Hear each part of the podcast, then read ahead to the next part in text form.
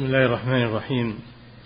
الحمد لله رب العالمين والصلاة والسلام على نبينا محمد وعلى آله وأصحابه أجمعين. أما بعد قال المؤلف رحمه الله تعالى فصل فقد أخبر رسول الله صلى الله عليه وسلم أن طائفة من أمته تستحل الربا باسم البيع كما أخبر عن استحلال الخمر باسم آخر. بسم الله الرحمن الرحيم.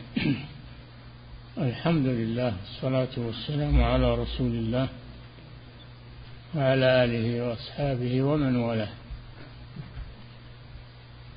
أخبر صلى الله عليه وسلم أنه سيأتي في أمته من يستحل الربا ويسميه باسم البيع. لأنه معلوم أن البيع حلال وأن الربا حرام فيغير الاسم. والاسم تغيير الاسم لا يغير المسمى لكن هم يحتالون. يسمونه باسم البيع. مثال ذلك أن أن يعطيه مبلغا على أنه قرض. ثم يحتال على الفائدة في القرض بأن يبيع عليه قطعة قماش أو سيارة وما أشبه ذلك. ويقول هذا المال هذا ثمن لهذه السلعة. وهو قرض ربوي. لا يغيره الاسم لأنه بيع. والله جل وعلا يعلم. ما الله لا يخدع سبحانه وتعالى. ويعلم الحيل ويعلم المقاصد.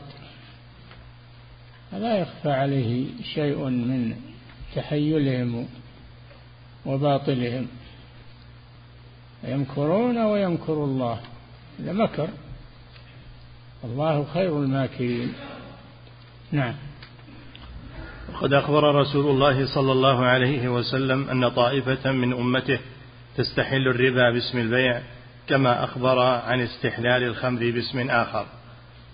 فروى كما أخبر عن استحلال الخمر باسم آخر الشراب الروحي الويسكي ما أشبه ذلك. ما يسمونه خمر عصير يسمونه عصير. وهو يسكر. والمسكر حرام. قال صلى الله عليه وسلم كل مسكر خمر كل خمر حرام. يقولون هذا عصير عنب هذا عصير برتقال هذا عصير وهو خمر لأنه مسكر. ولا يغيره الاسم من عصير فاكهة عصير. نعم. فروى ابن بطة بإسناده عن الأوزاعي عن النبي صلى الله عليه وسلم يأتي على الناس زمان يستحلون الربا بالبيع يعني العينة. العينة والعينة أن أن يحتاج إلى إلى مال يحتاج إلى نقود. ومعلوم أنه لو أعطاه نقودا بزيادة أن هذا ربا. فيبيع عليه. يبيع عليه سلعة بمبلغ ثم يشتريها منه. هذه العينة. رجع عليه عن ماله. رجع عليه عين ماله. يبيع عليه سيارة بثمن باهظ أكثر من ثمنها الحقيقي ثم يشتريها يرجع الداين ويشتريها من المستدين. ويقول هذا بيع وشراء نقول لا هذا ربا بصورة البيع. هذا ربا بصورة البيع. ولا يحل هذا. هذه مسألة العينة. أما إذا احتاج إلى سلعة احتاج الفقير إلى مال. احتاج الفقير إلى مال. واشترى من التاجر سلعة ليبيعها على غيره. اشترى سلعة بثمن مؤجل. ليبيعها على غيره وينتفع بثمنها. هذه مسألة التورق وليست مسألة العينة مسألة التورق. فرق بين هذه وهذه يبيعها على غيره أما لو باعها عليه صارت مسألة العينة. نعم. فروى ابن بطة بإسناده عن الأوزاعي عن النبي صلى الله عليه وسلم يأتي على الناس زمان يستحلون الربا بالبيع يعني العينة وهذا وإن كان مرسلا فإنه صالح للاعتضاد به بالاتفاق وله من المسندات وله من المسندات ما يشهد له وهي الأحاديث الدالة على تحريم العينة. نعم. هذا الحديث نص في تحريم العينة التي هي ما ذكرنا. نص فيها فكونهم يغيرون الاسم يسمونها عينة وهي ربا ما هي عينة. العينة مسألة التورق كما ذكرنا لكم. هذه ترجع إلى الداين يشتريها الداين يبيعها المدين يشتريها الداين. هذه مسألة العينة لأنه رجع إليه عين ماله أو لأنه حصل العينة والعين اللي هي الذهب أو الفضة. نعم. فإنه من المعلوم أن العينة عند مستحلها إنما يسميها بيعا. وفي هذا الحديث بيان أنها ربا لا بيع. نعم شيخ الإسلام ابن تيمية لا يجيز مسألة التورق. ما يجيز مسألة التورق؟ يقول إنها عينة هي العينة. الجمهور يقولون لا ما هي بالعينة؟ هذه العينة لو رجعت على الداين هذه ما رجعت على الداين باعها على غيره وانتفع بثمنها فإذا حل الأجل يسدد للداين. القيمة التي اشتراها بها منه. هذا الجمهور يرون أن هذا جائز. الشيخ تقي الدين يرى أن هذا ما يجوز وأنه حيلة إلى الربا. نعم. فإنه من المعلوم أن العينة عند مستحلها إنما يسميها بيعا وفي هذا الحديث بيان أنها ربا لا بيع فإن الأمة لم يستحل أحد منها الربا الصريح وإنما استحل باسم البيع وصورته. نعم. فصوروه بصورة البيع وأعاروه لفظه. نعم. ومن المعلوم أن الربا لم يحرم لمجرد صورته ولفظه وإنما حرم لحقيقته ومعناه ومقصوده. نعم. الأسماء لا تغير الحقائق. نعم. وإنما حرم لحقيقته ومعناه ومقصوده وتلك الحقيقة والمعنى والمقصود قائمة في الحيل الربوية كقيامها في صريحه سواء. والمتعاقدان. يعلمان ذلك من أنفسهما ويعلمه من يشاهد حالهما والله يعلم أن قصدهما أن قصدهما نفس الربا وإنما توسلا إليه بعقد غير مقصود وسمياه باسم مستعار غير اسمه. نعم هذا مضمون كلام شيخ الإسلام ابن تيمية. نقله تلميذه ابن القيم هنا. نعم. ومعلوم أن هذا لا يرفع التحريم ولا يرفع المفسدة التي حرم الربا لأجلها بل يزيدها قوة وتأكيدا من وجوه عديدة منها أنه يقدم على مطالبة الغريم المحتاج بقوة لا يقدم بمثلها المربي صريحا لأنه واثق بصورة العقد واسمه. نعم. هذه الجر على الربا باسم البيع. فالبائع يطالب المشتري بقوة على أنه بايع بايع سلعة فيطالبه بثمنها. وهو يعلم أنه ما هو بيع صحيح إنما هو وسيلة إلى الربا تحصيل الربا ولكنه غطاه باسم البيع. فيجتنب هذا. الجمهور أجازوا مسألة مسألة العينة للحاجة. ويقولون إنها إنها لم إنها لم يبيعها على صاحبها الداين الذي باعها على الفقير أو على المحتاج. ما اشتراها غيره. وانتفع بثمنها. فإذا حل الأجل يسدد للداين ثمن السلعة وهذا ليس فيه ليس فيه ربا وفيه يعني سد حاجة للفقير والمحتاج. هذه وجهة نظرهم. نعم. ومنها أنه يطالبه مطالبة من يعتقد حل تلك الزيادة وطيبها بخلاف المربي بخلاف مطالبة المربي صريحا نعم.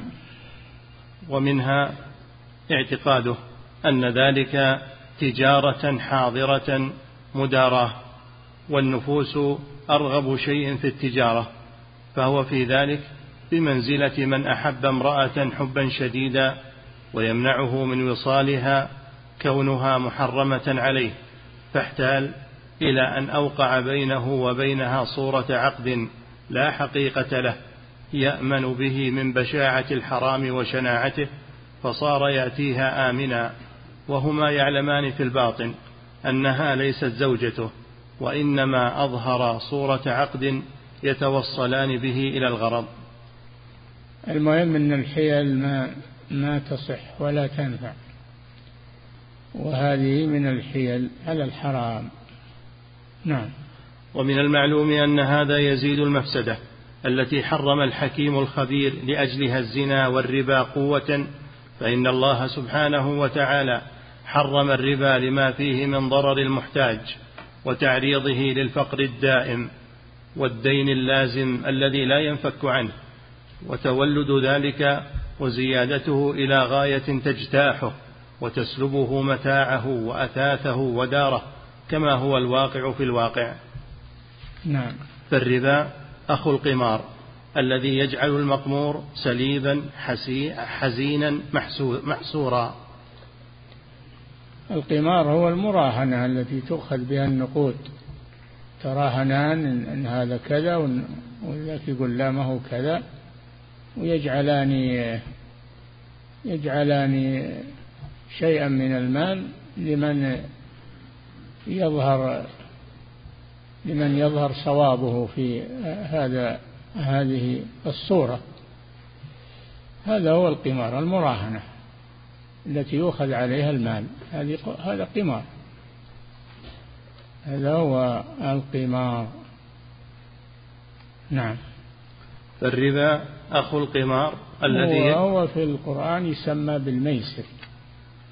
القمار يسمى في القرآن بالميسر والميسر أخو الربا. إنما يريد الشيطان أن يوقع بينكم العداوة يوقع بينكم العداوة والبغضاء في الخمر والميسر. نعم. فالربا أخو القمار الذي يجعل المقمور سليبا حزينا محسورا. نعم. فمن تمام حكمة الشريعة الكاملة المنتظمة لمصالح العباد تحريمه وتحريم الذريعة الموصلة إليه كما حرم التفرق في الصرف قبل القبض وأن يبيعه درهما بدرهم إلى أجل. هذا ربا النسيئة يبيعها دراهم يبيع جنيهات بدراهم يعني ذهب بفضة ولا يتقابضان في المجلس. تفرقان قبل التقابض يصير ربا نسيئة هذا. وهو أشد هو ربا الجاهلية. لا بد من التقابض الصرف لا بد فيه من التقابض في المجلس. فإن تأخر عن المجلس صار ربا نسيئة. نعم. كما حرم التفرق في الصرف قبل القبض وأن يبيعه درهما بدرهم إلى أجل وإن لم يكن هناك زيادة. فكيف يظن بالشارع مع كمال حكمته أن يبيح التحيل والمكر على حصول هذه المفسدة ووقوعها زائدة متضاعفة بأكل المحتال فيها مال المحتاج أضعافا مضاعفة. نعم. ولو سلك مثل هذا بعض الأطباء مع المرضى لأهلكهم فإن ما حرم الله تعالى ورسوله صلى الله عليه وسلم من المحرمات إنما هو حمية لحفظ صحة القلب وقوة الإيمان كما أن ما يمنع منه الطبيب مما يضر المريض حمية له فإذا احتال المريض أو الطبيب على تناول ذلك المؤذي بتغيير صورته مع بقاء حقيقته وطبعه أو تغيير اسمه مع بقاء مسماه ازداد المريض بتناوله مرضا إلى مرضه وترامى به إلى الهلاك ولم ينفعه تغير صورته ولا تبدل اسمه. نعم. وأنت إذا تأملت الحيل المتضمنة لتحليل ما حرم الله سبحانه وتعالى وإسقاط ما أوجب وحل ما عقد وجدت الأمر فيها كذلك ووجدت المفسدة الناشئة منها أعظم من المفسدة الناشئة من المحرمات الباقية على صورها وأسمائها والوجدان شاهد بذلك. نعم. كونه يتناول المحرم ولا يغير اسمه أخف من كونه يتناوله مغيرا لاسمه. لأن الذي يتناول المحرم وهو يعرف أنه محرم يخجل. فيما بينه وبين الله وحري أن يتوب قريبا ويخاف من العقوبة. أما الذي يستعمل الحيلة هذا يطمئن ويأمن يقول أنا ما أنا ما أخذت ربا أنا ما شربت خمر. فإن يعني شربت اسم آخر غير الخمر وهو الحقيقة هو الخمر لكن غير الاسم. فكذلك الربا. يقول أنا ما أكلت ربا. أنا بعت وشريت. هذا ثمن مبيع. نقول هذا لا يغير الحقيقة. ثمن مبيع هو ربا. سميته أنت باسم البيع. ما هي ما يتغير. حل الله البيع وحرم الربا. كونك سميته بيع ما ما يغير الحقيقة فلا تجوز الحيل التي يستباح بها ما حرم الله سبحانه وتعالى. والله لا يخفى عليه شيء.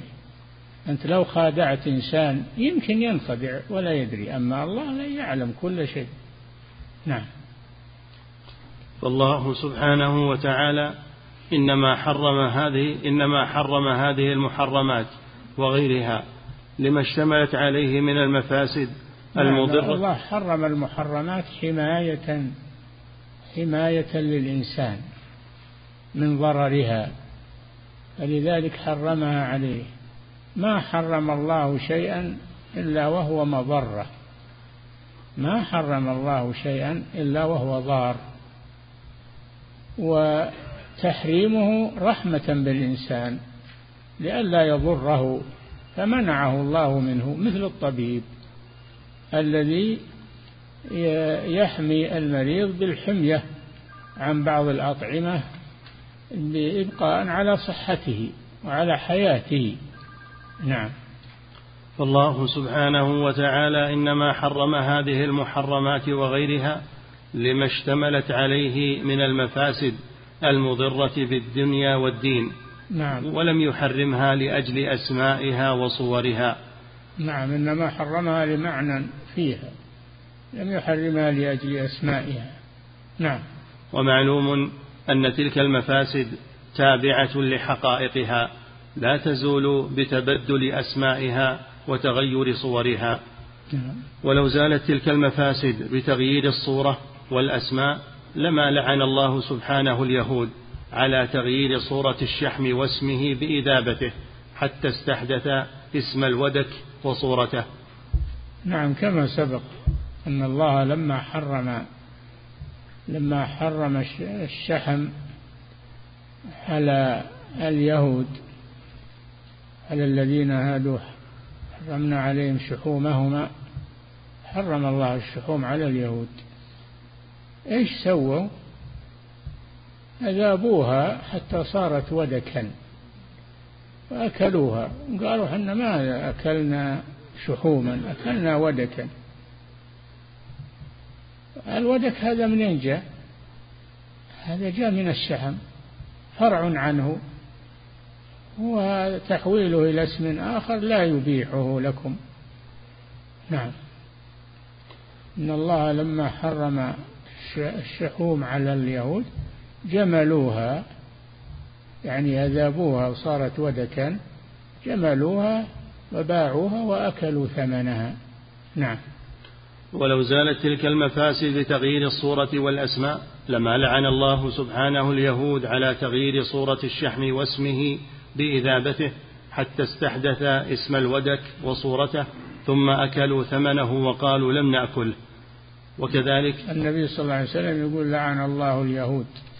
لما حرمت عليهم الشحوم جملوها يعني أذابوها وباعوها وأكلوا ثمنها. يقولون إحنا ما بعنا شحوم إن بعنا ودك الودك منين جاء؟ جاء من الشحوم. نعم. وكذلك تغيير صورة الصيد يوم السبت بالصيد يوم الأحد. أي نعم حرم الله عليهم الصيد يوم السبت. احتال عليها وسماها بغير اسمها. نعم. زيادة في المفسدة التي حرمت لأجلها مع تضمنه لمخادعة الله تعالى ورسوله ونسبة المكر والخداع والغش والنفاق إلى شرعه ودينه وأنه يحرم الشيء لمفسدة ويبيحه لأعظم منها. نعم هذا كذب على الله سبحانه وتعالى. أنه يحرم الشيء فإذا غير اسمه يصير حلال. نعم. ولهذا أو إذا نقل من يوم إلى يوم صار حلال. نعم. نقلوه من يوم السبت إلى يوم الأحد. فهذا لعنهم الله بسببه. نعم. ولهذا قال أيوب السختياني يخادعون الله كما يخادعون الصبيان. لو أتوا الأمر على وجهه كان أهون. أيوب السختياني من علماء المسلمين ومن العباد المشهورين. يقول يخادعون الله كما يخادعون صبيا. ولو أنهم أتوا الأمر على حقيقته ولم يغيروه ويخادعوا باسمه تغيير الاسم لكان أخف لكان أخف من أنهم جمعوا بين جريمتين استحلال الحرام واستعمال الحيلة التي استباحوا بها المحرم. نعم. وقال رسول الله صلى الله عليه وسلم لا ترتكبوا ما ارتكبت اليهود فتستحلوا محارم الله بأدنى الحيل. نعم. نهى النبي صلى الله عليه وسلم عن آه، عن ما ارتكبته اليهود من استعمال الحيل لاستحلال الحرام. نعم. وقال بشر ابن السري وهو من شيوخ الإمام أحمد. آه، قال بشر ابن السري. نعم. وقال بشر بن السري وهو من شيوخ الإمام أحمد نظرت في العلم. نظرت في العلم فإذا هو الحديث والرأي. فوجدت في الحديث ذكر النبيين والمرسلين وذكر الموت وذكر ربوبية الرب تعالى وجلاله وعظمته وذكر الجنة والنار والحلال والحرام والحث على صلة الأرحام وجماع الخير. ونظرت في الرأي فإذا فيه المكر والخديعة والتشاح واستقصاء الحق والممالأة في, والممالأة في الدين واستعمال الحيل والبعث على قطيعة الأرحام والتجرؤ على الحرام. الواجب على المسلم أن يتبع الدليل من الكتاب والسنة ولا يتبع الرأي لأن الرأي أكثر ما يكون أكثر ما يكون خطأ. وأما الكتاب والسنة فهما معصومان معصومان من الخطأ لا يأتيه الباطل من بين يديه ولا من خلفه. تنزيل من حكيم حميد. أستعمل الأسماء على ما هي عليه ولا تغيرها. وأستعمل الأدلة في مواردها ولا تغير مدلولاتها كما تفعل اليهود والنصارى. نعم. وقال أبو داود سمعت أحمد بن حنبل. أبو داود آه، صاحب السنن. هو من تلاميذ الإمام أحمد.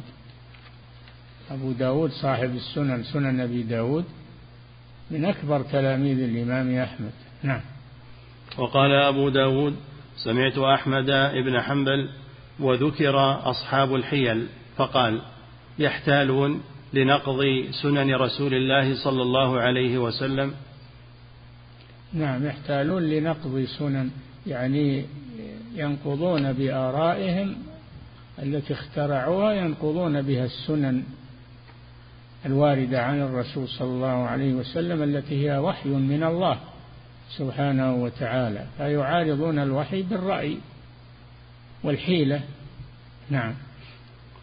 والرأي الذي اشتقت منه الحيل المتضمنة لإسقاط ما أوجب الله تعالى وإباحة ما حرم الله هو الذي اتفق السلف على ذمه وعيبه. نعم هذا هو الرأي المذموم الذي آه، يغيرون به ما شرعه الله ويعارضون به النصوص. هذا هو الرأي المذموم. أما الرأي الذي هو موافق للكتاب والسنة فلا بأس بذلك. هذا هذه مذاهب الأئمة الأربعة كلها من, من هذا النوع. هي رأي لهم لكن هذا الرأي موافق للكتاب والسنة. نعم. ومستنبط من الكتاب والسنة. نعم.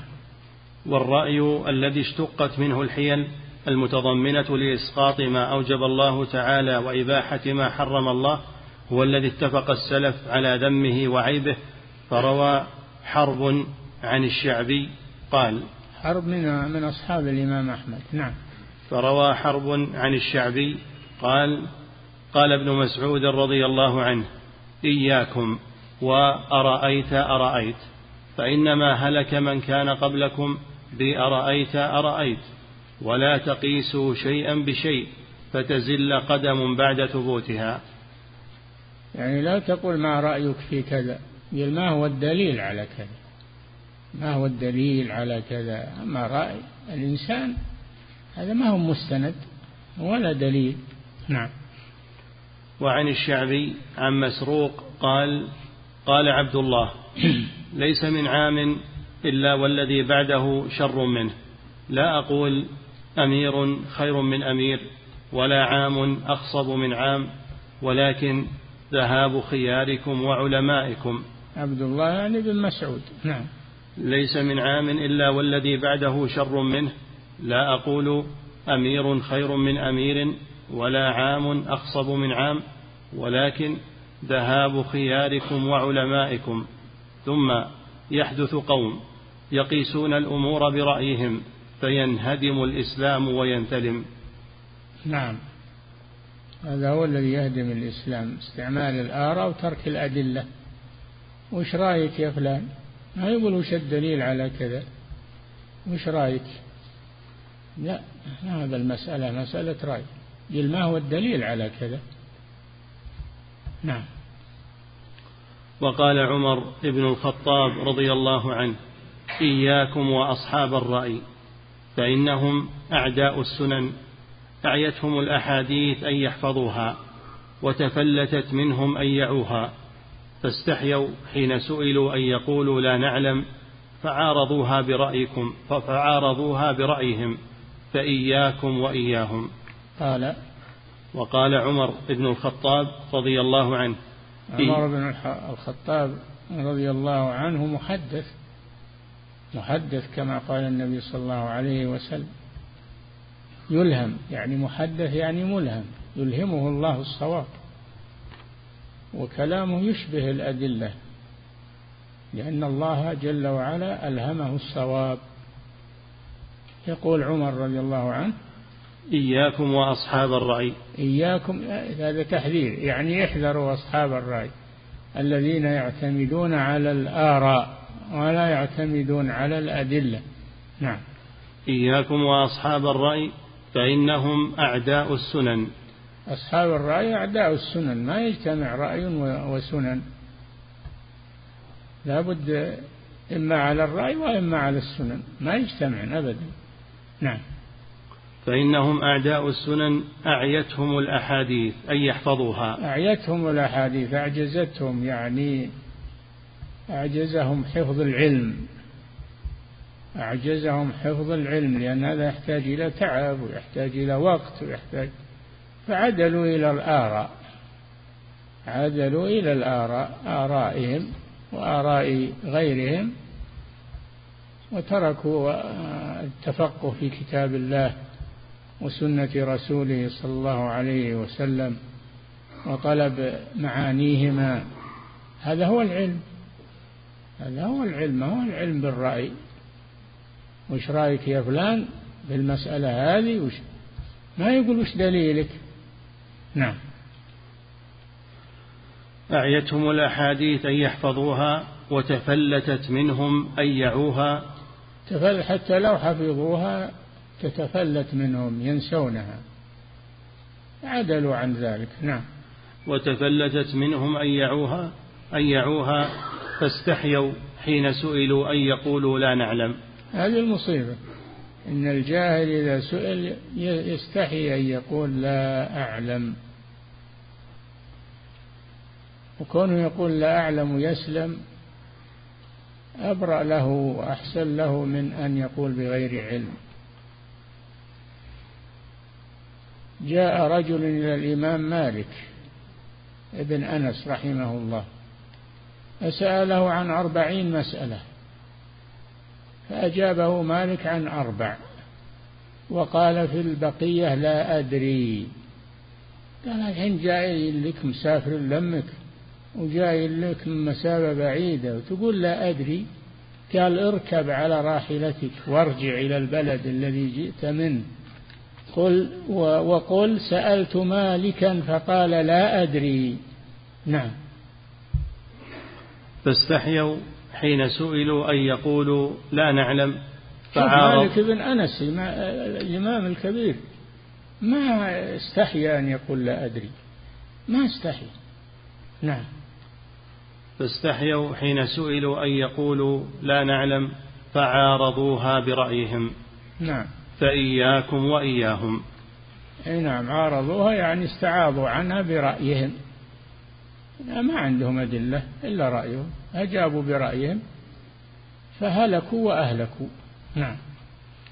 وقال أحمد في رواية ابن سعيد في رواية ابن سعيد لا يجوز شيء من الحيل وفي رواية صالح ابنه الحيل لا نراها. أي نعم. وقال في رواية الأثرم وذكر حديث عبد الله بن عمرو في حديث البيعان بالخيار ولا يحل لواحد منهما أن يفارق صاحبه خشية أن يستقيله. قال فيه إبطال الحيل. نعم. حديث عن النبي صلى الله عليه وسلم قال البيعان بالخيار هذا يسمى خيار المجلس. ما لم يتفرقا. البيعان بالخيار ما لم يتفرقا ثم قال صلى الله عليه وسلم ولا يحل له أن يفارقه خشية أن يستقيله. يعني يقوم من المجلس علشان يلزم البيع ويسقط الخيار. ما يجوز هذا. ما يجوز. هذه حيلة. هذه احتال على إسقاط الخيار بقيامه من المجلس. ما يجوز هذا. نعم. ولا يحل لواحد منهما أن يفارق صاحبه خشية أن يستقيله. هذا كلام الرسول صلى الله عليه وسلم. نعم. قال فيه إبطال الحيل. نعم. وقال في رواية أبي الحارث هذه الحيل التي وضعها هؤلاء احتالوا في الشيء الذي قيل لهم إنه حرام فاحتالوا فيه حتى أحلوه. إيه نعم. احتالوا فيه حتى إذ يخرجون من الحرام. بالحيلة. مثل أصحاب السبت خرجوا من الحرام بالحيلة. أمسكوه بالشباك يوم السبت وأخذوه يوم الأحد. حيلة هذه. استحلوا. لعنهم الله بسبب ذلك. كما لعنا أصحاب السبت. نعم. فاحتالوا فيه حتى أحلوه. وقد قال رسول الله صلى الله عليه وسلم لعن الله اليهود. حرمت عليهم الشحوم. فأذابوها وأكلوا أثمانها فإنما أذابوها حتى أزالوا عنها اسم الشحوم وقد لعن رسول الله صلى الله عليه وسلم الحال والمحلل له.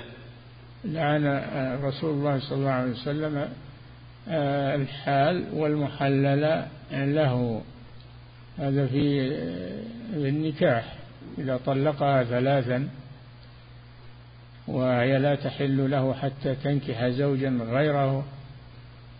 راحوا جابوا واحد ويتزوجها زواج صوري علشان يحللها للذي هذا التيس المستعار هذا ملعون لعنه رسول الله صلى الله عليه وسلم.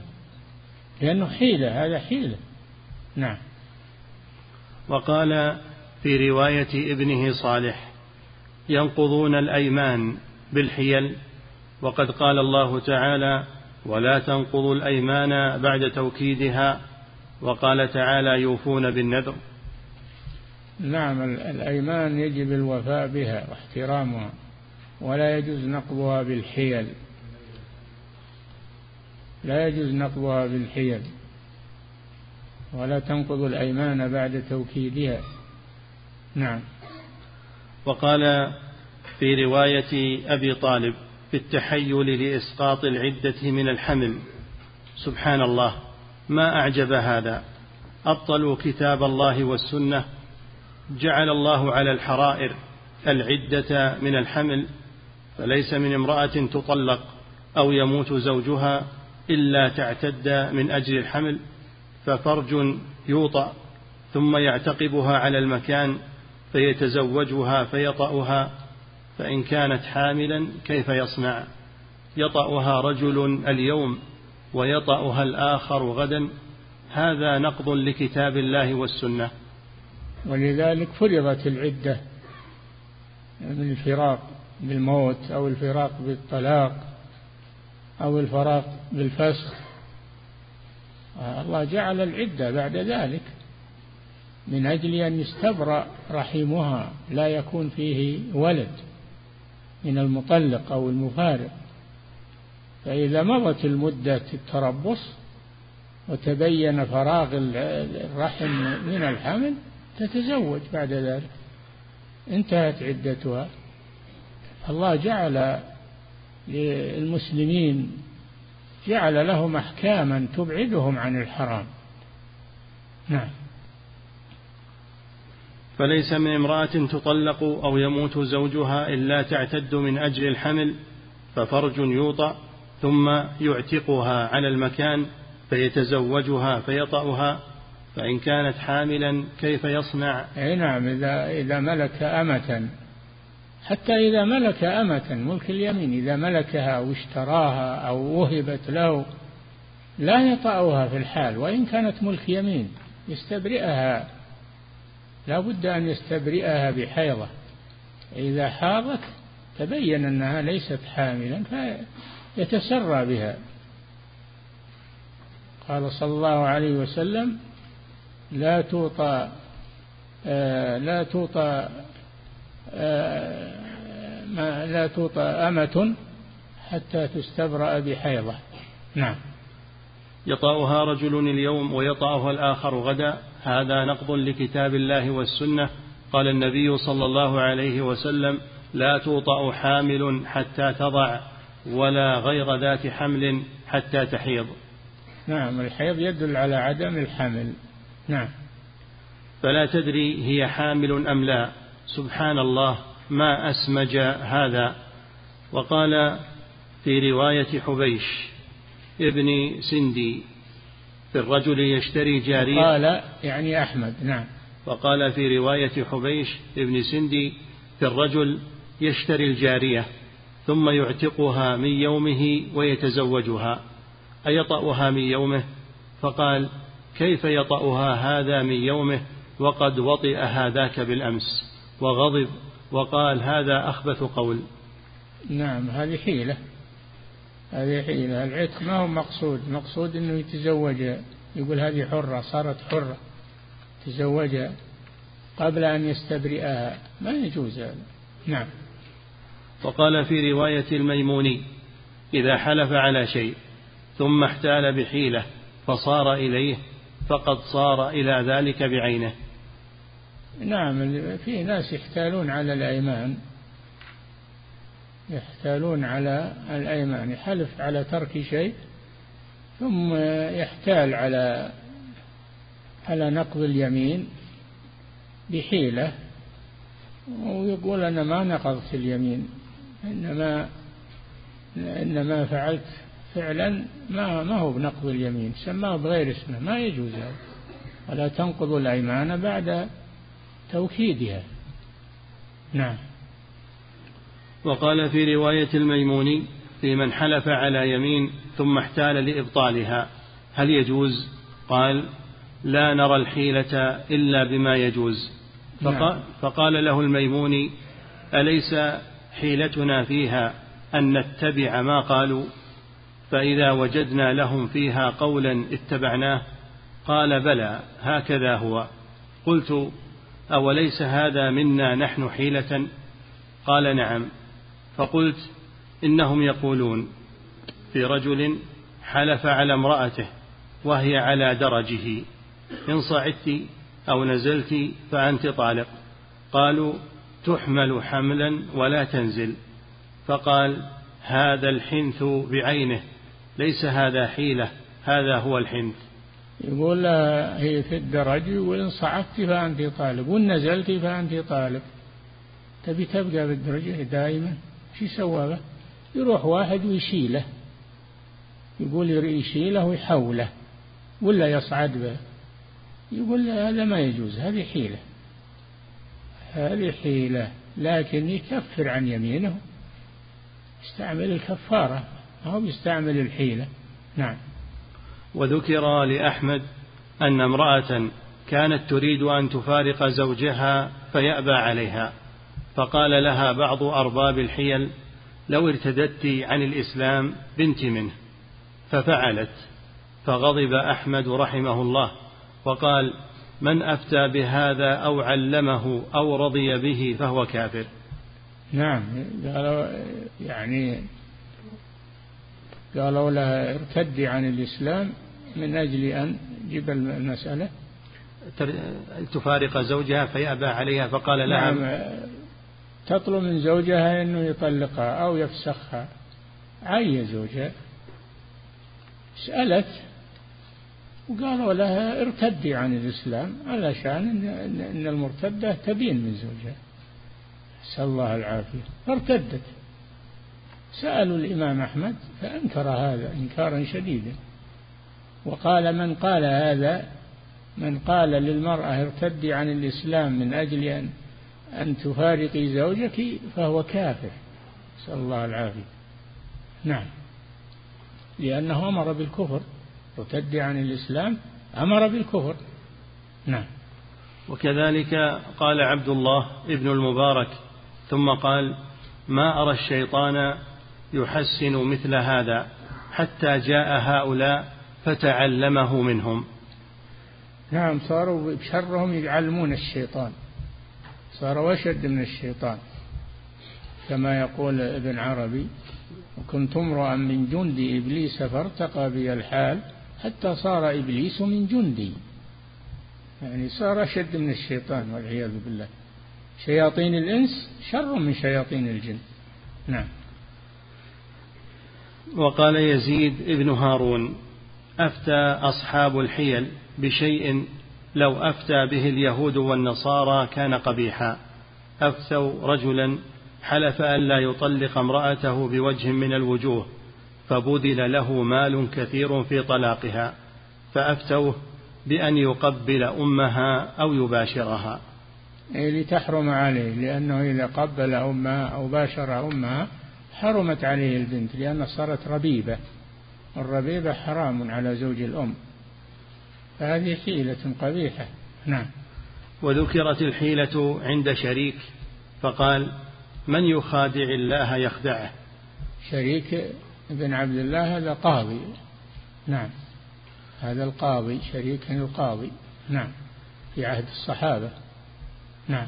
فأفتوه بأن يقبل أمها أو يباشرها وذكرت الحيلة عند شريك فقال من يخادع الله يخدعه؟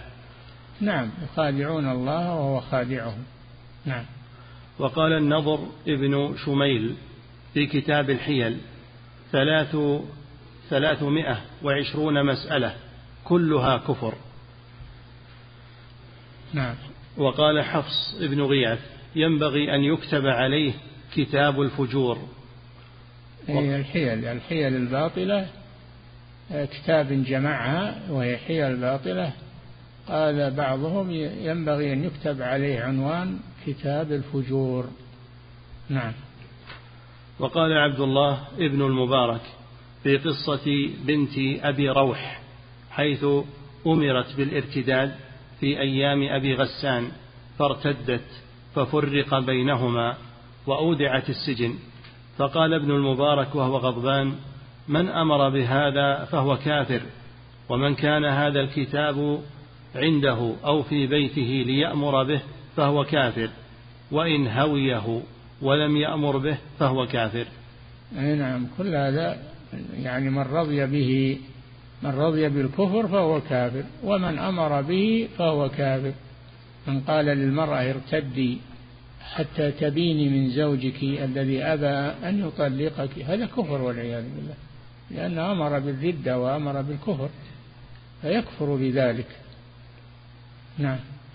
وقال أيوب السختياني ويل لهم من يخدعون؟ يعني أصحاب الحيل. من يخدعون؟ أليسوا يخدعون الله؟ الله جل وعلا يقال يخادعون الله وهو خادعهم. نعم. وقال الله لا يخدع سبحانه وتعالى. نعم. وقال بعض أهل الحيل ما تنقمون منا إلا أن عمدنا إلى أشياء كانت عليكم حراما فاحتلنا فيها حتى صارت حلالا. يعني حنا المعروف عليكم. جبنا الحيل وحللنا لكم ما حرم الله عليكم. نحن أهل معروف. كيف تنقمون علينا؟ حنا المعروف. نعم. وقال زاذان قال علي رضي الله عنه يعني وقد رأى مبادئ الحيل. إني أراكم تحلون أشياء قد حرمها الله وتحرمون أشياء قد أحلها الله. نعم ومن أحل ما حرم الله أو حرم ما أحل الله فهو كافر. نعم. قلت قلت ومن تأمل الشريعة ورزق فيها فقه نفس رآها قد أبطلت على أصحاب الحيل مقاصدهم وقابلتهم بنقيضها وسدت عليهم الطرق التي فتحوها للتحيل الباطل. فمن ذلك أن الشارع منع المتحيل على الميراث. يكفي. نقف عند قلت. نعم.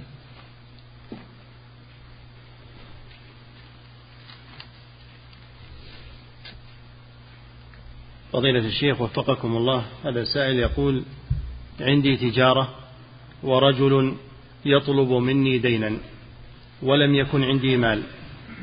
فلما طالبني بالدين قلت له ليس عندي شيء الآن ولكن أجعل لك معي في أسهم تجارتي مقابل الدين.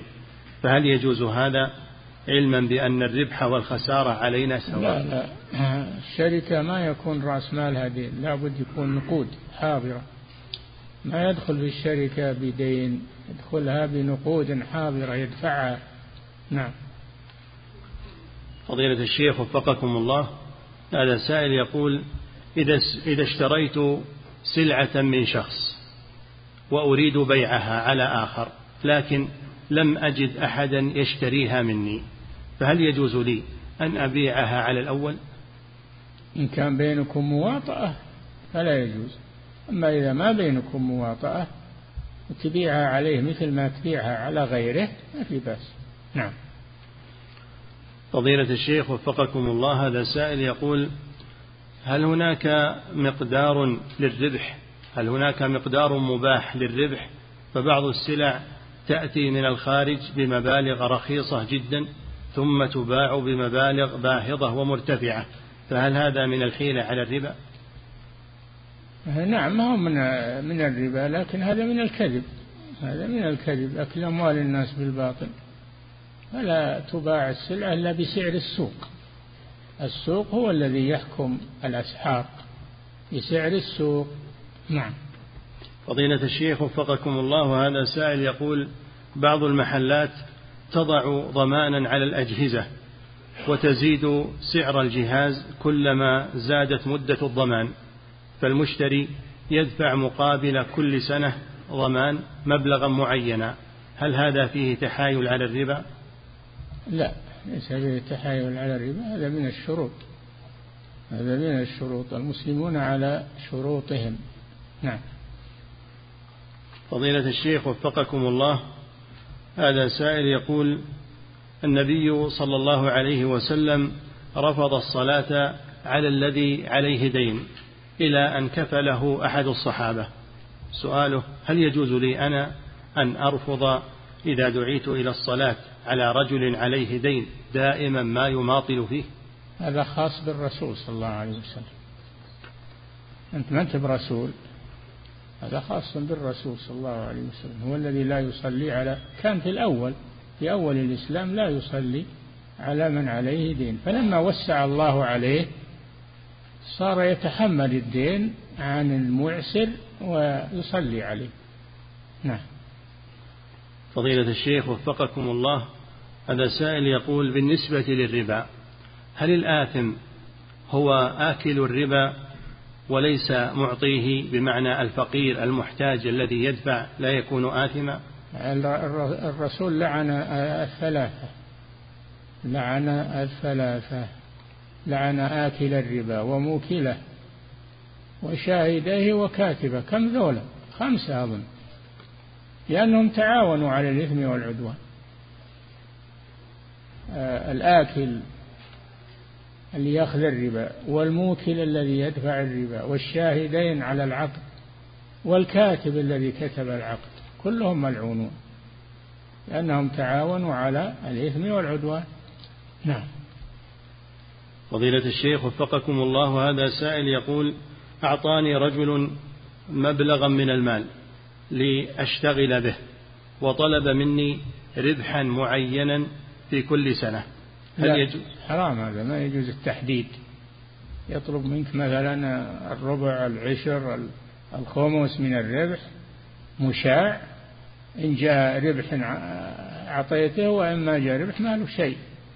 هذا لا بأس. أما تضمن له الربح لا هذا حرام. نعم. فضيلة الشيخ وفقكم الله هذا سائل يقول إذا اشترى البنك لي سلعة بعد اختياري لها من أحد المعارض وهو لا يملكها هذا البنك لا يملك السلعة ثم باعها علي بثمن مؤجل كثير فهل يجوز ذلك؟ لا يجوز أنكم تعقدون أنت والبنك قبل أن البنك يملك السلعة إذا كانت السلعة في ملكه تعقدون البيع ما قبل ذلك لا نعم. فضيلة الشيخ وفقكم الله هذا سائل يقول من أخذ قرضا من البنك من أخذ قرضا ربويا من البنك لشراء منزل ثم تاب بعد ذلك فهل تنطبق عليه هذه الآية؟ وإن تبتم فلكم رؤوس أموالكم. لا. هذا الذي اجتمع عنده مال من الربا وتاب إلى الله عز وجل. تاب إلى الله له ديون على الناس ربوية له ديون على الناس ربوية. وإن تبتم فلكم رؤوس أموالكم. اترك الربح وخذ رأس مالك. خذ رأس مالك واترك الربح الربوي. فلكم رؤوس أموالكم. لا تظلمون ولا تظلمون. نعم. فضيلة الشيخ وفقكم الله هذا سائل يقول يوجد تاجر يداين الناس فمن احتاج إلى مال فإنه يقرضه لكن يأخذ زيادة بطريقة وهي أنه إذا احتاج رجل إلى أرض فإنه يبحث هذا المحتاج عن أرضه ويذهب إلى التاجر فيشتريها له ثم يبيعها عليه بالتقسيط مع زيادة. يقول وهذه الأرض تنتقل إلى صاحبها الأصلي لكن التاجر يحتفظ بالصك عنده. هل يجوز هذا؟ ما فهمت السؤال. ما فهمت السؤال نعم. فضيلة الشيخ وفقكم الله هذا سائل يقول أنا صاحب محل أشتري بضاعتي من تاجر بالأجل وأتفق معه على أنني إذا بعت البضاعة فإني أدفع له حقه. فهل يجوز هذا التعامل؟ يعني إذا إذا بعت البضاعة انعقد البيع يعني عاقدنا البيع على التصريف مثل ما يقولون. عاقدنا البيع على التصريف. لا هذا ما يجوز. البيع لا لا يعقد على شرط شرط مستقبل. البيع يكون ناجزا ولا يكون على شرط مستقبل. إن حصل كذا فأنا مشتري منك السلعة وما حصل كذا فليس بيننا عقد. لا هذا ما يجوز. نعم. فضيلة الشيخ وفقكم الله هذا سائل يقول من يدفع مبلغا من المال لرجل لكي يتزوج مطلقته؟ من يدفع مبلغا من المال لرجل لكي يتزوج مطلقته ثلاثة فدخل الرجل بالمرأة لكنه لم يطلقها. هل هذا النكاح من أصله محرم؟ والله هذا يعرض على القاضي. أنا ما بقاضي هذا عقد قائم لازم يعرض على القاضي ينظر فيه. نعم. فضيلة الشيخ وفقكم الله هذا سائل يقول انتشر في برامج التواصل الاجتماعي رسالة وهي نعم نحتفل بمولد الرسول صلى الله عليه وسلم لأن الاحتفال تعبير عن الفرح به. وهو مطلوب في القرآن والسنة وحكمه مسكوت عنه. يقول كيف الرد على هذا؟ هذا كلام باطل. هذا يروج البدعة بمثل هذا الكلام الباطل. ولا يجوز هذا. نحن نحب الرسول صلى الله عليه وسلم. أحب إلينا من أنفسنا ومن والدينا ومن أولادنا ووالدينا والناس أجمعين كما قال صلى الله عليه وسلم. لا يؤمن أحدكم حتى أكون أحب إليه من ولده ووالده والناس أجمعين. قال عمر رضي الله عنه يا رسول الله والله يا رسول الله لأنت أحب إلي من كل شيء إلا من نفسي. قال لا يا عمر حتى أكون أحب إليك من نفسك. قال والله يا عم يا رسول الله إنك الآن أحب إلي من نفسي. قال الآن يا عمر يحبها أحب من نفسه. فمحبة الرسول صلى الله عليه وسلم واجبة علينا. بعد محبة الله عز وجل ولكن لا نعمل البدع ونقول هذه محبة للرسول. الرسول يبغض هذه البدع فكيف نعصيه؟ الرسول نهانا عن البدع. كيف نعصيه ونقول نحن نحبه؟ تحبه وأنت تعصيه؟ وين المحبة؟ نعم. فضيلة الشيخ وفقكم الله هذا تعصي, تعصي الإله وأنت تزعم حبه. ما ما يجوز هذا. نعم. فضيلة الشيخ وفقكم الله هذا سائل يقول في قوله سبحانه وتعالى قل إن كنتم تحبون الله فاتبعوني يحببكم الله. يقول يذكر بعض يذكر بعض أهل العلم أن هذه تسمى آية الامتحان والاختبار. إيه؟ يقول في قوله سبحانه وتعالى قل إن كنتم تحبون الله فاتبعوني يحببكم الله. يقول يذكر بعض أهل العلم أن هذه الآية تسمى بآية الامتحان والاختبار. ما في شك. قل إن كنتم تحبون الله فاتبعوني. الذي يدعي أنه يحب الله ولا يتبع رسوله هذا كذاب. لو كان يحب الله لاتبع رسوله صلى الله عليه وسلم. نعم. فضيلة الشيخ وفقكم الله هذا سائل يقول في خطبة الجمعة قال الخطيب إنه لم يثبت إن رسول الله أن رسول الله صلى الله عليه وسلم قد ولد في اليوم الثاني عشر من ربيع بهذا التحديد. نعم صحيح. لم يثبت هذا. لم يثبت تحديد يوم ولادته صلى الله عليه وسلم وإنما هي أقوال. نعم. فضيلة الشيخ وفقكم الله هذا سائل يقول هل ثبت هذا الحديث عن ابن عباس وهو أنه إذا كان يوم القيامة نادى مناد من قبل الله تعالى ألا من كان اسمه محمدا فليقم فليدخل الجنة؟ إكراما لمحمد صلى الله عليه وسلم؟ هذا مزينينه هم ما ما هو بحديث. وكذلك يعني بس مجرد إن اسمه محمد يدخل الجنة فيه من المشركين من هو اسمه محمد يدخلون الجنة. نعم. فضيلة الشيخ وفقكم الله هذا سائل يقول هل يجوز للزوج أن يمنع زوجته من زيارة أهلها والإحسان إليهم وأهلها نصارى من خارج هذه البلاد؟ لا ما يمنعها من زيارة أهلها ولو كانوا نصارى لأن هذا من البر. ولا يمنعها من البر بوالديها. وإن جاهداك على أن تشرك بما ليس لك به علم فلا تطعهما وصاحبهما في الدنيا معروفا. فالوالد الكافر له حق البر. على ولده المسلم ولا يحبه يبر به وهو لا يحبه لكن من باب المكافأة على ما بذل وربى وأنفق نعم. فضيلة الشيخ وفقكم الله هذا سائل يقول إذا أسلم الكافر فهل تبدل سيئاته حسنات الله أعلم. أولئك يبدل الله سيئات. هذا التائبين التائبون. هل منهم الكافر؟ الله أعلم. ما أدري. نعم. فضيلة الشيخ وفقكم الله هذا السائل من خارج هذه البلاد يقول أنا أعيش في بلدي والدولة هناك تعطيني هدية ومنحة بمناسبة عيد رأس السنة. يقول إذا استلمت هذه الهدية فهل يجوز لي أن أتمولها وآخذها؟ لا. لا تأخذها حتى الطعام اللي يصنع حتى الطعام اللي يصنع للبدع لا تأكل منه لأن هذا إعانة لهم ورضا بما فعلوه. نعم. فضيلة الشيخ وفقكم الله هذا السائل يقول هل هذه العبارة صحيحة وهي من له حيلة فليحتل وهل لها أصل في الشرع؟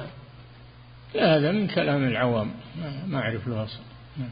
من له حيلة فليحتل يعني أي حيلة ولو كانت على ما حرم الله. لا ما هو صحيح. نعم. فضيلة الشيخ وفقكم الله. هذا سائل يقول إذا كان الرجل أو المرأة في الوضوء يصعب عليهما دلك الرجلين في الوضوء. يقول هل يكتفى بإمرار الماء وتعميمه على القدمين بدون دلك؟ إي نعم الدلك سنة ما هو واجب المهم أنه يجري الماء على العضو. إذا حصل معه دلك فهو أكمل. نعم. فضيلة الشيخ وفقكم الله هذا سائل يقول هل يجوز لي أن أشتري بيتا لأسكن فيه عن طريق قرض ربوي إذا لم أجد إذا لم أجد قرضا شرعيا غير ذلك؟ لا. استاجر يا أخي استاجر لما أنك تقوى على شراء البيت. الحمد لله الآجار فيه حل المشكلة. نعم.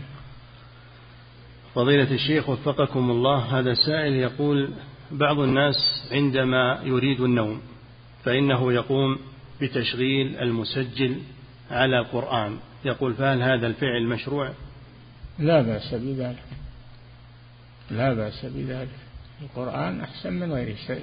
شغله على الغناء أجل شغله على القرآن. طيب. نعم. فضيلة الشيخ وفقكم الله هذا السائل يقول هل للحائض أن تأتي بأذكار الصباح والمساء وأذكار النوم وما فيها من آيات وسور؟ إي نعم. وتأتي بالآيات ما هي بتلاوة تأتي بها على أنها ذكر فقط. نعم.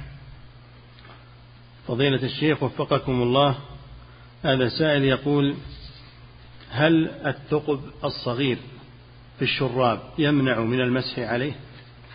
اللي يرى من ورائه الجلد يمنع أما إذا كان صغير ولا يرى الجلد من ورائه الشراب قل من قل فيها من لا ما, ما ليس فيه ثقوب يسيرة. نعم. فضيلة الشيخ وفقكم الله هذا السائل يقول في بلدنا يحتفلون بالمولد النبوي ويقدمون الحلوى كهدايا للصغار فهل يجوز أن يأكلوا منها؟ لا هذه بدعة ولا يؤكل مما يبذل فيها. نعم. فضيلة الشيخ وفقكم الله هذا سائل يقول ما حكم استعمال ما يسمى بالجات والشمة؟ يقول وهل هي تعد من الخمر؟ ليست من الخمر لكنها مفترة هذه من المفترات فهي مفتر وقد نهى النبي صلى الله عليه وسلم عن كل مسكر ومفتر نعم. فضيلة الشيخ وفقكم الله هذا سائل يقول من صلى على كرسي فهل يلزمه أن يقوم ويكبر تكبيرة الإحرام وهو قائم ثم يجلس. من صلى على كرسي فهل يجب عليه أن يقوم عند تكبيرة الإحرام ثم له أن يجلس بعد ذلك؟ لا إذا كان يقدر على القيام لا بد أن يقوم بقدر قراءة الفاتحة ثم يجلس. هذا الركن ركن القيام بقدر قراءة سورة الفاتحة. نعم. فضيلة الشيخ وفقكم الله. هذا سائل يقول في قول الرسول صلى الله عليه وسلم ما من يوم إلا وينزل ملكان فيقول أحدهما اللهم أعط منفقا خلفا ويقول الآخر اللهم أعط ممسكا تلفا يقول لو تصدقت قبل أذان الفجر فهل أدخل في هذا الحديث؟ أم أنني أنتظر حتى يؤذن الفجر لأدخل فيه؟ هو معناه أنك ما تصدق إلا بعد نزول الملكين. الصدقة مطلقة بالليل أو بالنهار.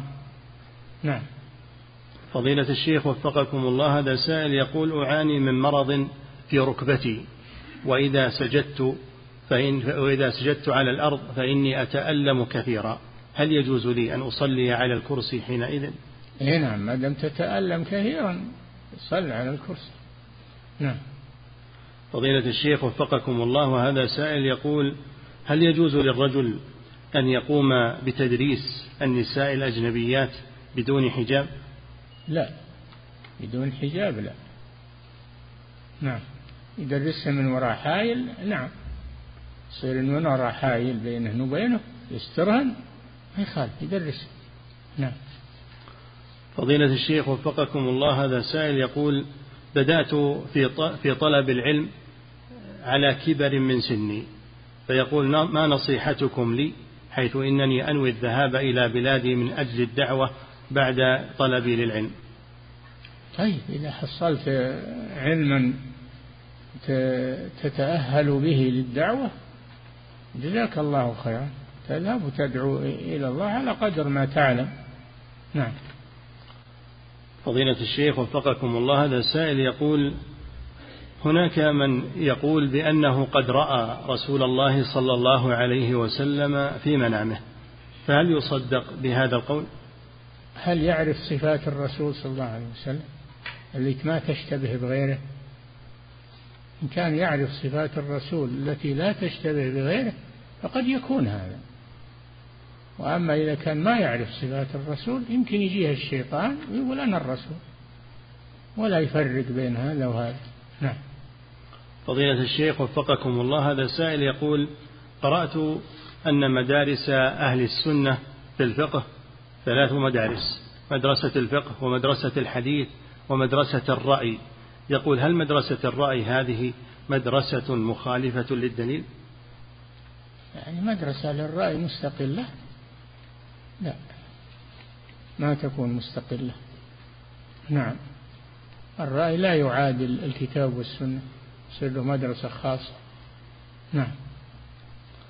فضيلة الشيخ وفقكم الله هذا سائل يقول ما نصيحتكم لرجل دائما ما يردد هذه الكلمة وهي علي الطلاق علي الطلاق في أغلب كلامه؟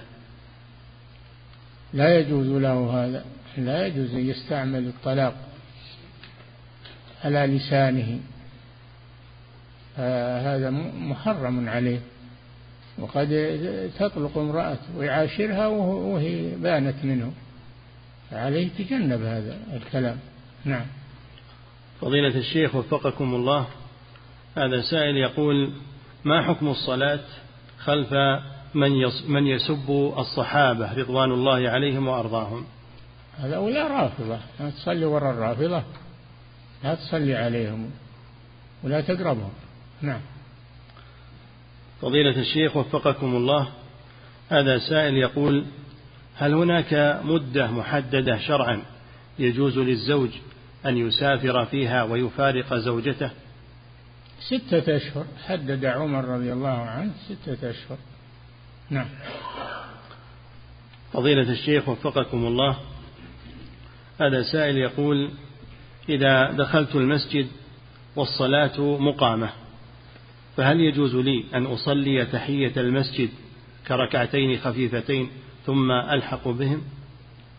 لا. إذا أقيمت الصلاة فلا صلاة إلا المكتوبة حديث صحيح. فلا يجوز تدخل في صلاة غير التي أقيمت. نعم. فضيلة الشيخ وفقكم الله هذا سائل يقول بالنسبة للشرك الأصغر الرياء هل هو مبطل للعمل الذي يخالطه؟ نعم. الشرك الأكبر يبطل جميع الأعمال والشرك الأصغر يبطل العمل الذي داخله. نعم. فضيلة الشيخ وفقكم الله هذا سائل يقول ورد عن رسول الله صلى الله عليه وسلم أنه قال صلوا قبل المغرب ركعتين صلوا قبل المغرب ركعتين. يقول هل هذا الأمر هو على التأكيد؟ الرسول قال في الثالثة لمن لمن أراد؟ صلوا قبل المغرب صلوا قبل المغرب صلوا قبل المغرب ثم قال في الثالثة لمن أراد؟ نعم. فضيلة الشيخ وفقكم الله هذا سائل يقول أبي كان يذهب إلى الكهان لكنه كان يصلي ويصوم. ثم قد ثم قد توفاه الله. سؤاله هل يجوز لي أن أستغفر له؟ إذا كان يصدق الكهان الذهاب إلى الكهان مجرد الذهاب إلى الكهان حرام ولا يجوز. فإذا كان يصدقهم هذا كفر. فلا تستغفر له. نعم. فضيلة الشيخ وفقكم الله هذا السائل يقول من فاتته صلاة الوتر في الليل؟ فإنه يقضيه في النهار. هل يقضيه على صورته وترا أم يقضيه شفعا؟ لا يشفعه. النبي صلى الله عليه وسلم كان إذا فاته الوتر من الليل قضاه في النهار وشفعه. كنت توتر بثلاث خليه أربع بسلامين. توتر ب آه، توتر بخمس تخليه ست. ثلاث تسليمات وهكذا. نعم. فضيلة الشيخ وفقكم الله هذا سائل يقول ما يسمى بالبيع بالتقسيط؟ يقول هل فيه تحيل على الربا بمعنى أنه يكون فيه زيادة إذا تأخر؟ زيادة إذا تأخر؟ المؤجل ما يؤجل إلا بزيادة ما يأجلون إلا بزيادة. أما إذا قال كل ما تأخرت يزيد كذا هذا حرام ما يجوز. نعم. فضيلة الشيخ وفقكم الله هذا سائل يقول بالنسبة للعطاس هل يجب على من عطس أن يحمد الله سبحانه وتعالى؟ نعم. بالنسبة للعطاس هل يجب على من عطس أن يحمد الله سبحانه وتعالى؟ أي نعم يحمد الله يحمد الله سبحانه وتعالى. هذا واجب عليه وتشميته مستحب. نعم. فضيلة الشيخ وفقكم الله هذا سائل يقول زوجتي أوقظها كثيرا لصلاة الفجر لكنها لا تستجيب لذلك وإنما تصلي بعد طلوع الشمس دائما. يقول ما الواجب علي حينئذ؟ نعم. يقول زوجتي أوقظها كثيرا لصلاة الفجر لكنها لا تستجيب لي وإنما تصلي بعد طلوع الشمس دائما. لا لا تصح صلاتها. وإذا لم تستجيب تقوم لصلاة الفجر ففارقها يا أخي. هذه ما ما تصبح مسلمة. هذه ما هي مسلمة. اللي تضيع صلاة الفجر ليست مسلمة. إن تابت تاب الله عليها فأمسكها وإلا تبحث عن غيرها. نعم. فضيلة الشيخ وفقكم الله هذا السائل يقول بالنسبة للشعر الذي يكون بين الحاجبين هل يجوز إزالته؟ أخشى أنه ما يكفيهم اللي بين الحاجبين. فلا فلا أجر على هذا. وأيضا يدعون أنه بين الحاجبين. أنا ما أدري. هذه لابد أنها تراجع الأطباء ويشوفون لها علاج إذا كان في في حواجبها خلل يعالجونه. نعم. فضيلة الشيخ وفقكم الله هذه امرأة تسأل فتقول هل يجوز للمرأة أن تأخذ من مال زوجها خفية وهو لا يعلم بالرغم من أنه يعتني بها ويلبي كل متطلباتها. لا إذا كان يقوم بالواجب النفقة فلا تأخذ إلا بإذنه. أما إذا كان ينقصها شيء من النفقة ولا يعطيها إذا طلبت فإنها تأخذ قدر ما يكفي. قال صلى الله عليه وسلم لهند بنت عتبة خذي ما يكفيك يعني من مال أبي سفيان. خذي ما يكفيك وولدك بالمعروف. نعم. انتهى قالت إنه رجل شحيح. لا يعطيني ما يكفيني وولدي. قال صلى الله عليه وسلم خذي ما يكفيك وولدك بالمعروف. نعم. انتهى. وهذه يسمونها مسألة الظفر. من ظفر بحقه عند مماطل عند جاحد له أن يأخذه مسألة الظفر تأخذ حقك. نعم. انتهى. الله تعالى أعلم وصلى الله وسلم على نبينا محمد.